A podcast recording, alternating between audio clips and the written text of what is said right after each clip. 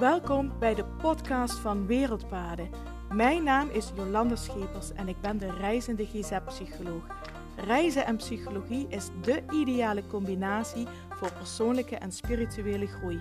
In mijn podcast deel ik verhalen en inzichten van over de hele wereld en uit mijn eigen ervaring om jou te inspireren om alles uit het leven te halen wat erin zit. Om samen met jou de reis naar je hart te maken en jouw meest zingevende leven te gaan leiden.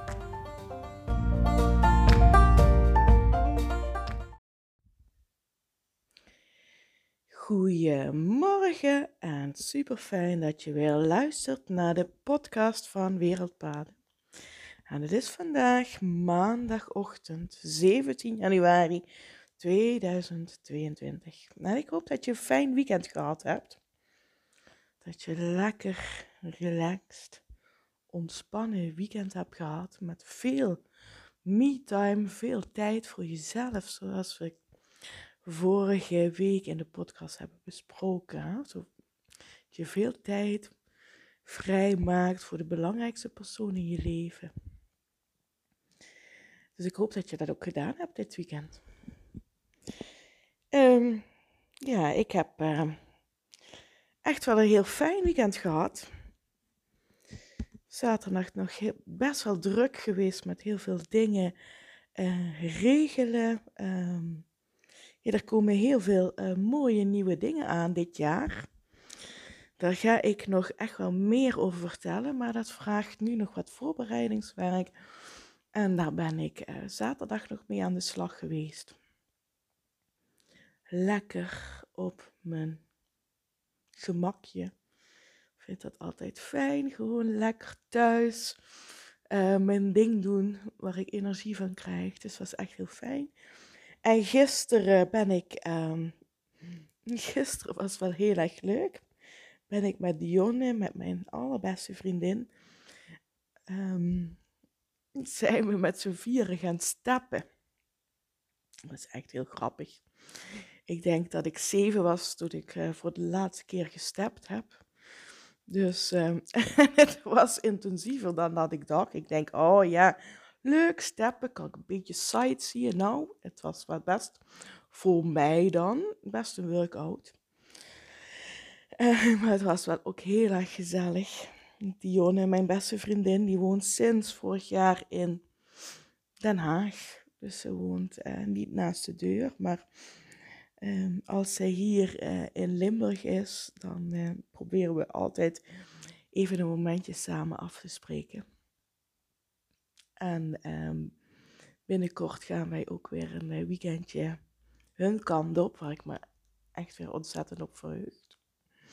Dus dat was heel leuk. En gisteren was de dag toen nog niet voorbij, want mijn neefje, vooral met de nadruk op je, die is gisteren 20 geworden. Dus we hadden nog een klein feestje om dat te vieren. Dus ik heb echt een heel erg leuk en lekker weekend gehad.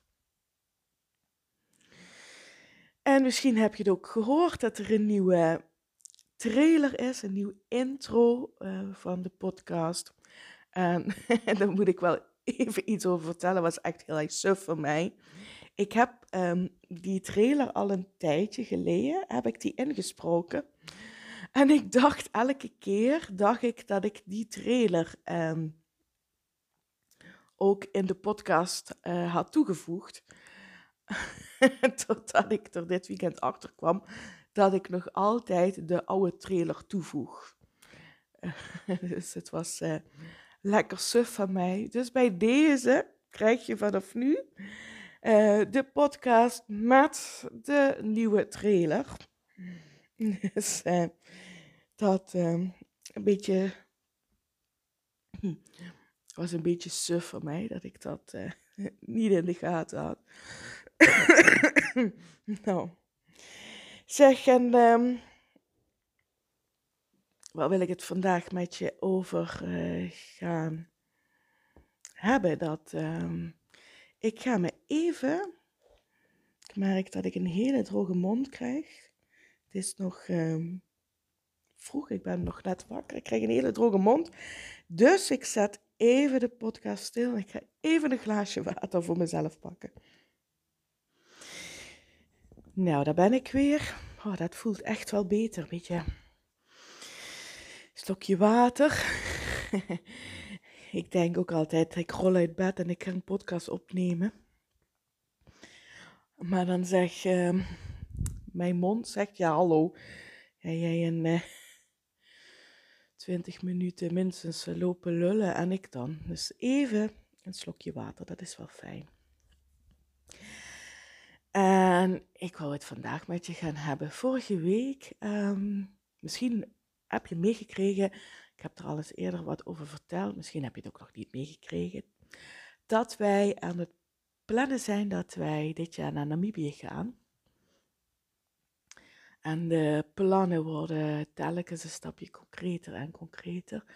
En we gaan niet zomaar naar Namibië, we gaan niet zomaar uh, um, we gaan niet de toerist uithangen in Namibië. We gaan, um, maar we gaan met een speciale reden naar Namibië. We gaan op de eerste plaats naar Namibië om vanuit Wereldpaden Foundation bepaalde projecten te gaan steunen. En we gaan ook naar Namibië om uh, verhalen van mensen te verzamelen um, over zingeving, de zin van het leven, wat maakt jou gelukkig? Wat, um, wat is belangrijk in jouw leven? Want we willen die verhalen gaan verzamelen en documenteren om uh, hier te gaan delen. Omdat ik op de allereerste plaats denk hè, dat ieders verhaal belangrijk is. En ieder verhaal gehoord en verteld mag worden. En op de tweede plaats um, dat um, ieder hier uh, die op zoek is naar zingeving. En in mijn allerdiepste kern denk ik, wie is niet op zoek naar zingeving? Wie is niet op zoek naar een zinvol, gelukkig bestaan?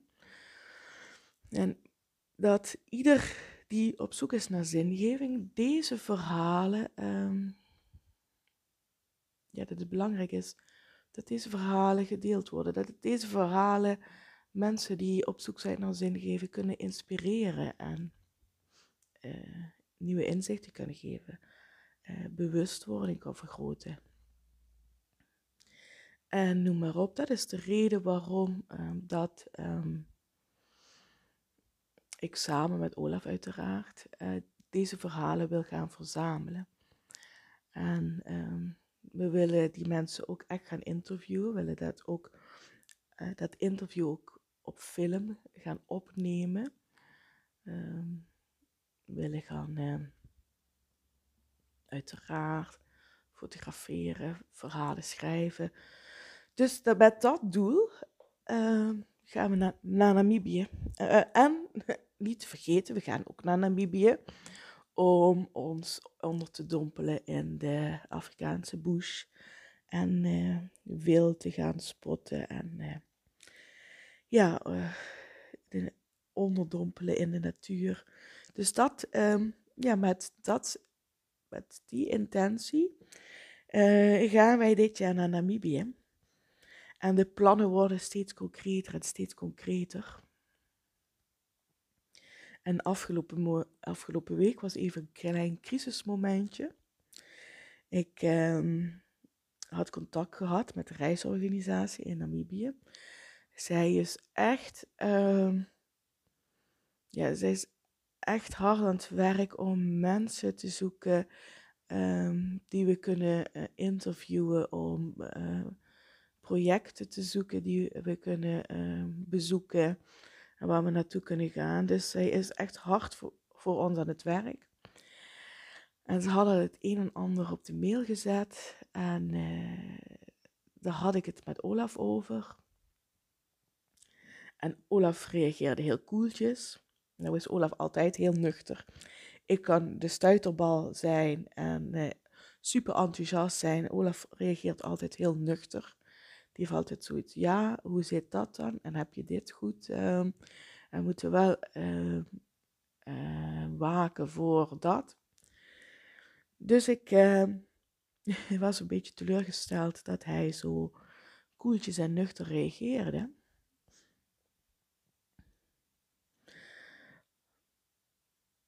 maar toen kwam ik erachter dat ehm,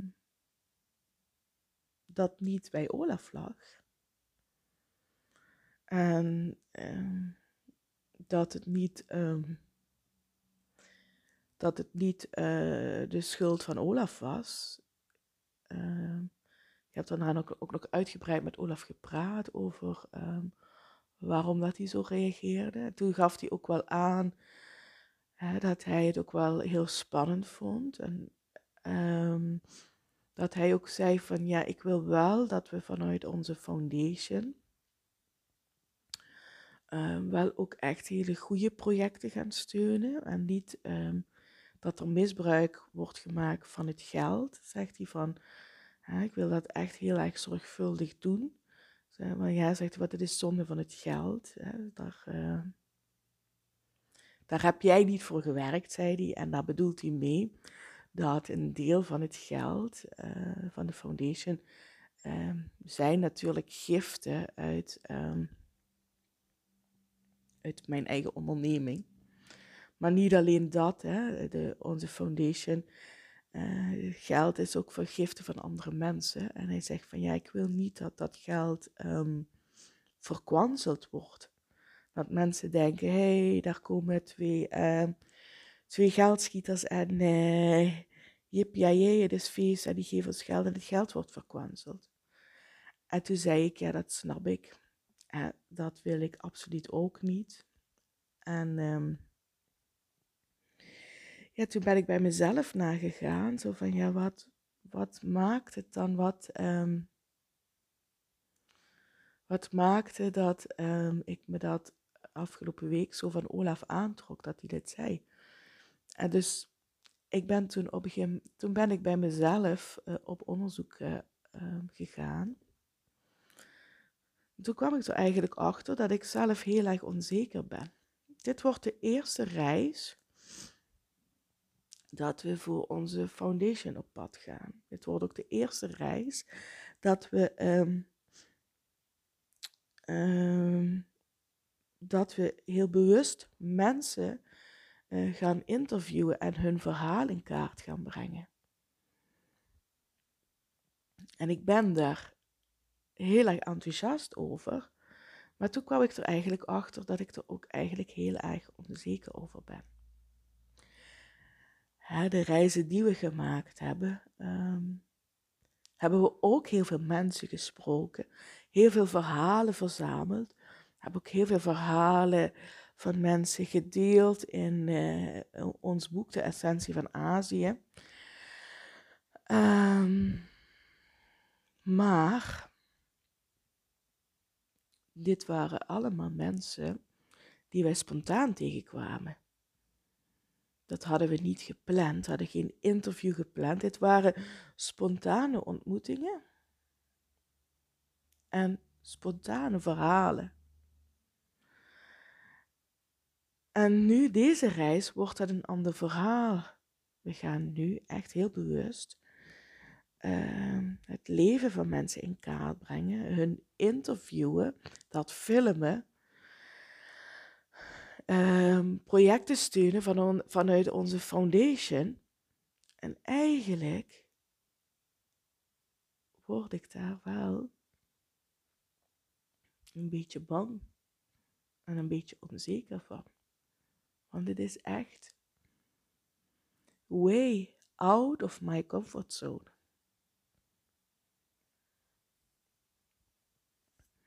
En mijn innerlijke criticus die eigenlijk het liefste wil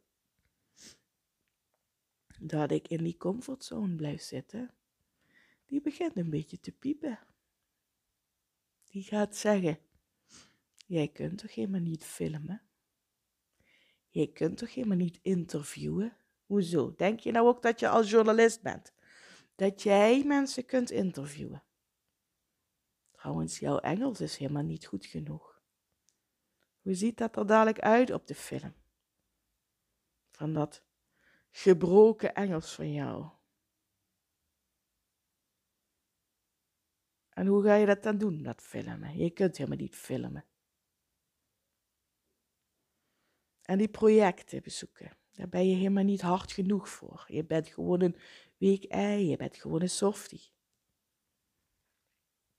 Lekker hè, die innerlijke criticus. En misschien stel dat je heel erg gerust, nou je aan het, luisteren bent en denk je, oh, Jolanda heeft ook een uh, innerlijke criticus. Oh ja hoor. Geloof me maar, Jolanda heeft zeker een innerlijke criticus. dat is af en toe een pain in the ass, dat kan ik je vertellen hoor. Dus dat was het dus. Afgelopen week. Ik was niet teleurgesteld in Olaf. Nee, waarom zou ik dat doen? Waarom zou ik teleurgesteld in hem zijn? Ik ben gewoon chicken. Afraid. Ik ben gewoon, mijn innerlijke criticus zegt, oh nee, dat gaan we niet doen. En die komt met honderdduizend argumenten waarom niet. En daar heb ik last van. Dus daar ga ik deze week maar eens mee aan de slag. En vanmorgen alles begonnen. In een meditatie, zo van, waar ben ik nou bang voor? En dan komen ook al wat dingen wat ik zou kunnen doen. En dat helpt dan al enorm dan komt ook wel weer ehm, de stem van mijzelf, van mijn ware ik, mijn eh, echte ik, die dan, en dan gaat de energie ook wel weer stromen, dat ik denk, ja, maar dit is wat ik wil. Dit is wat ik wil, dit is waarom dat ik dat ik hier op aarde ben. Dit is mijn missie. Ik wil die verhalen verzamelen. Ik wil, um, ik wil uh, dat ieders verhaal gehoord wordt. Dat ieders verhaal verteld wordt. En ik wil dat delen. En ik wil mensen hier helpen met het vinden van zingeving. En hoe kan ik mensen meer helpen dan al die prachtige, bijzondere, um, intense verhalen te delen van over de hele wereld. En dan gaat de energie ook wel weer stromen. En uh, ja, want dat is, dit is wat ik wil. En dan word ik weer zo enthousiast. Ja, dat, ja, ik heb er gewoon zo ontzettend veel zin in. Maar ik ga de komende weken wel ook nog met mijn innerlijke criticus aan de slag. Want ik weet eh, ik weet nu dat hij er zit en ik weet nu ehm, waar hij me in probeert te beperken en waar hij me probeert tegen te houden. En daar kan ik nu mee aan de slag. En soms is het even zoeken. Zit die innerlijke criticus een beetje verborgen. Het is niet altijd dat hij zegt: Hallo, ik ben de innerlijke criticus en ik vind dat je dit niet kan. En ik vind dat je dat. Ehm, nee, soms heb je daar een uh, iets meer omwegen voor nodig om hem te ontdekken. Want ik dacht eerst dat het bij Olaf lag. En uiteraard ligt het helemaal niet bij Olaf. En uh, hebben Olaf en ik net uh, daarna hele goede gesprekken gehad over wat wij belangrijk vinden als we naar Namibië gaan en wat wij belangrijk vinden als we um, uh, aan de slag gaan voor onze foundation.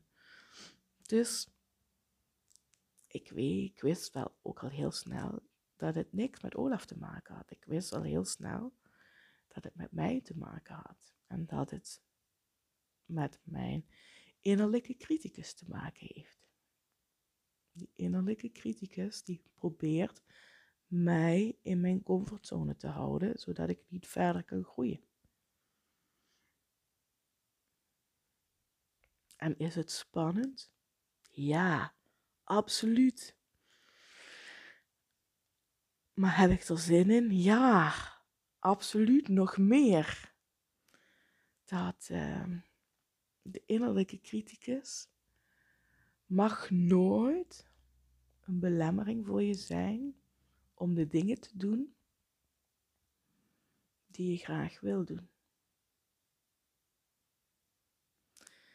Dus ga ook eens voor jezelf na als er iets is wat je heel graag zou willen. Maar er is iets wat jou tegenhoudt. Ga eens luisteren naar die stem. Je hebt grote kans dat het jouw innerlijke criticus is, die jou probeert te weerhouden van wat jij eigenlijk wil. Die jou klein probeert te houden. Die tegen jou zegt dat je het niet kan. Dat jou dat toch nooit lukt. Wie ben jij dan om dat te doen? Wie denk jij te zijn dat? Dat zijn allemaal woorden van de innerlijke criticus. Want die innerlijke criticus, die probeert jou klein te houden. En ga maar eens na of je hem ook bij jezelf herkent.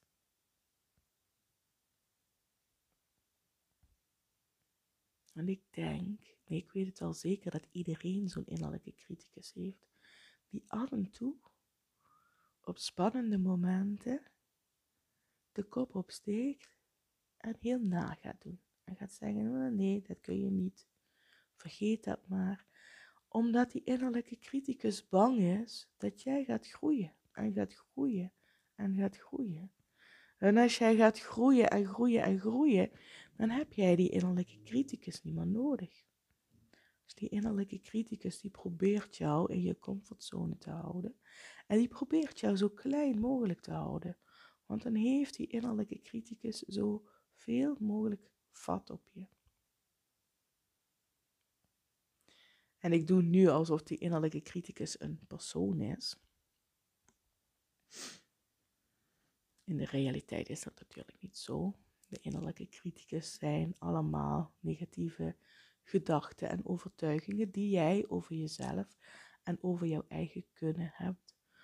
Maar door die gedachtegang uh, te, uh, daar een persoon van te maken, kun je de gedachtegangen beter buiten jezelf zetten. Daarom spreek ik ook van de innerlijke criticus. Want het helpt mij om te zeggen: hé, hey, maar dit ben ik niet. Dit is een, dit is een, een groepje overtuigingen, dit is een groepje negatieve gedachten die ik heb van mezelf, waar ik niks meer mee hoef. Dus ik wil die buiten mezelf zetten. Ik heb die niet meer nodig. En uh, iedereen mag die innerlijke criticus buiten zichzelf zetten, want die helpt niet. Die innerlijke criticus gaat jou echt niet verder helpen. Die probeert je alleen maar klein te houden. Dus ga eens bij jezelf na hoe dat bij je eigen innerlijke criticus zit. Herken je hem? Weet je wanneer hij aan het woord is? Wat zegt hij dan tegen je? En kun je je tegen die overtuigingen verzetten? Kun je zien dat ze niet waar zijn?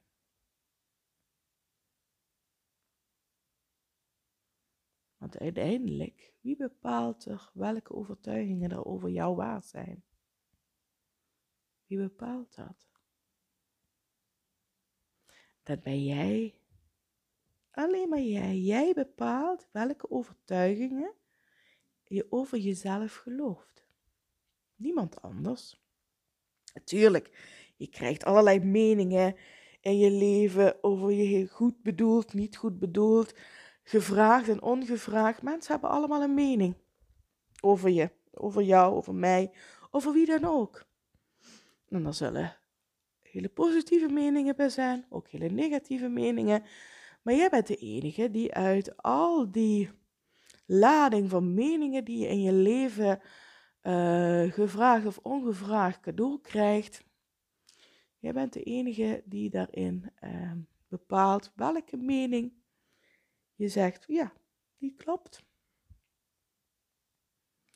En welke mening je denkt, ja, daar hoef ik niks mee, die klopt niet. Jij bepaalt dat. Want waarom zou de mening van iemand anders over jou meer waarde hebben dan dat je over jezelf hebt? Jij kent jezelf toch veel beter dan die ander? Toch? En sommige mensen zeggen echt wel dingen waar je van denkt, oh ja, daar moet ik eens even over nadenken. Herken ik dat? Ben ik inderdaad zo? Soms kom je tot de ontdekking. Ja, die ander heeft wel gelijk. we hoeven niet alleen maar. Uh, soms kun je ook bij jezelf tot de conclusie komen dat sommige eigenschappen, sommige dingen die je doet, niet zo fraai zijn. Nou ja, het zijn allemaal mensen, dat mag je ook.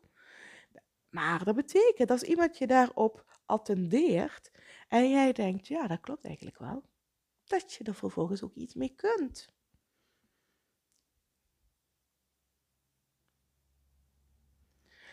Maar neem niet allerlei negatieve meningen, visies van anderen over jou aan, zomaar.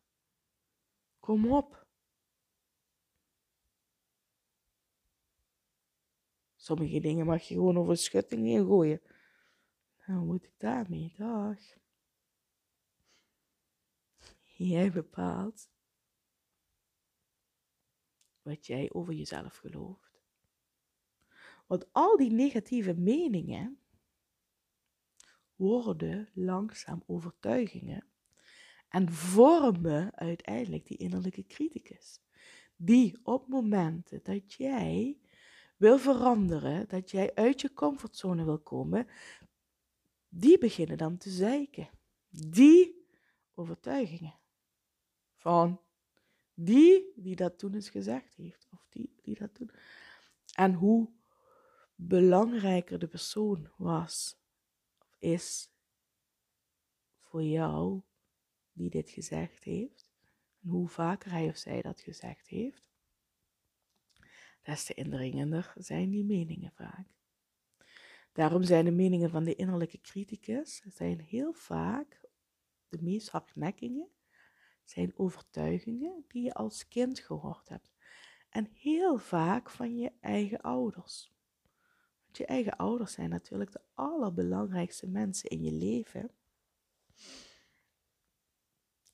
Als kind. En ja, kleine kinderen, eh, die twijfelen niet wat die ouders zeggen. En die twijfelen ook niet over wat die ouders over hun zeggen kleine kinderen is dat allemaal waar.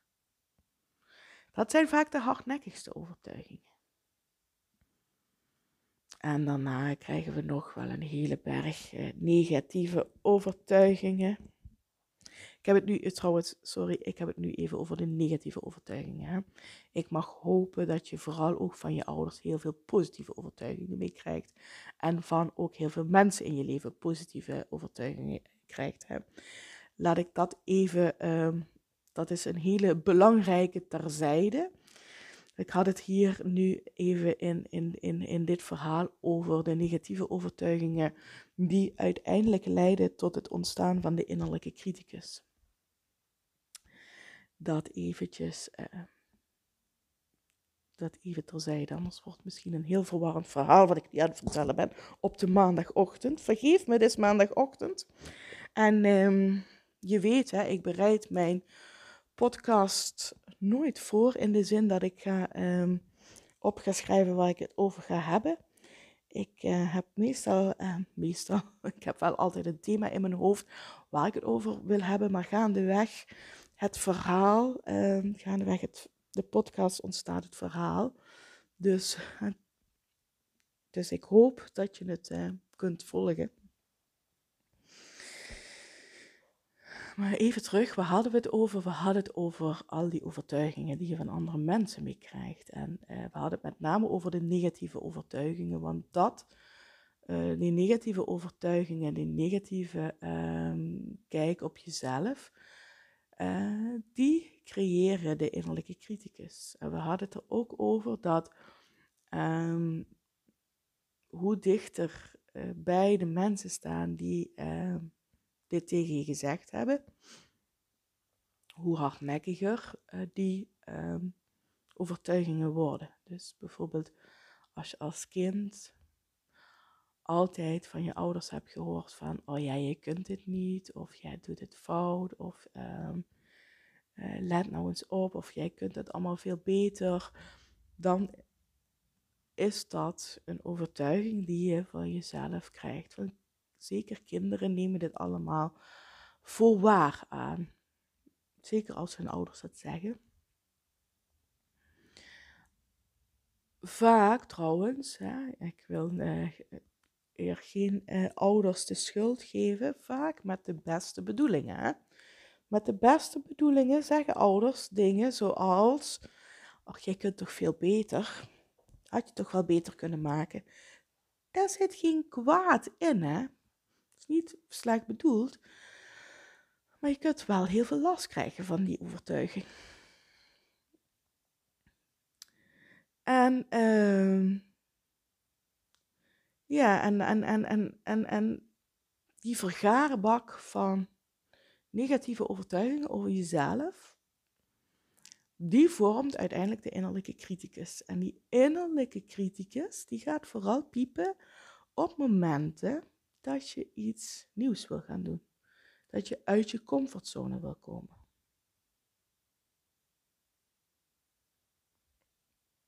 Dan gaat die innerlijke criticus alarm slaan.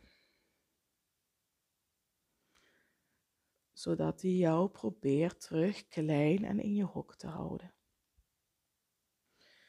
Dat is wat de innerlijke criticus doet.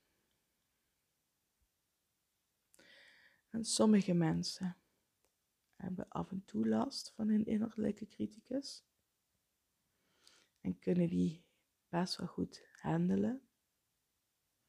Sommige mensen hebben zoveel last van hun innerlijke criticus dat um, ze heel veel moeite hebben in het leven om die innerlijke criticus te handelen en die innerlijke criticus hun heel erg beperkt.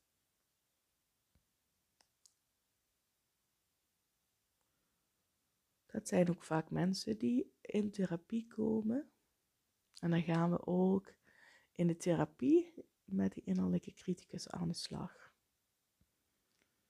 Want geloof me, die innerlijke criticus kan bij sommige mensen uh, echt een pain in the ass zijn en zo belemmerend werken dat het zo hun leven beïnvloedt.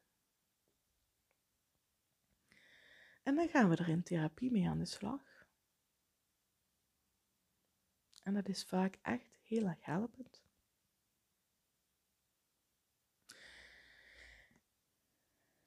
Nou, een heel verhaal is het geworden over de innerlijke criticus.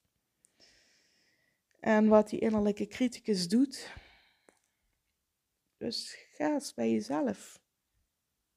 Nou, heb jij een innerlijke criticus? Is het een grote? Is het een kleine? Wanneer is hij er? Wat zegt hij tegen je? En wat kun je doen? Kun je hem tegenspreken? Kun je overtuigingen zoeken die het tegendeel bewijzen?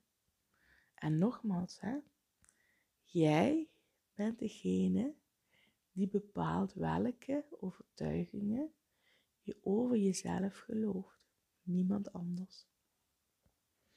En daar wou ik voor vandaag de podcast mee eindigen. Mocht je vragen hierover hebben, mocht je zeggen, oh, ik herken die innerlijke criticus. En mocht je er vragen over hebben, mocht je er iets over willen zeggen, mocht je um, willen, uh, uh, mocht je je mening willen geven over deze podcast, wat ik trouwens ook heel erg fijn vind, stuur me een DM via Instagram of een berichtje via Facebook of LinkedIn of een mailtje naar info.wereldpaden.nl. En voor nu, heel erg bedankt voor het luisteren en ik wens je een hele fijne dag. En ik spreek je morgen weer. Hey, fijne dag. Groetjes. Doei doei.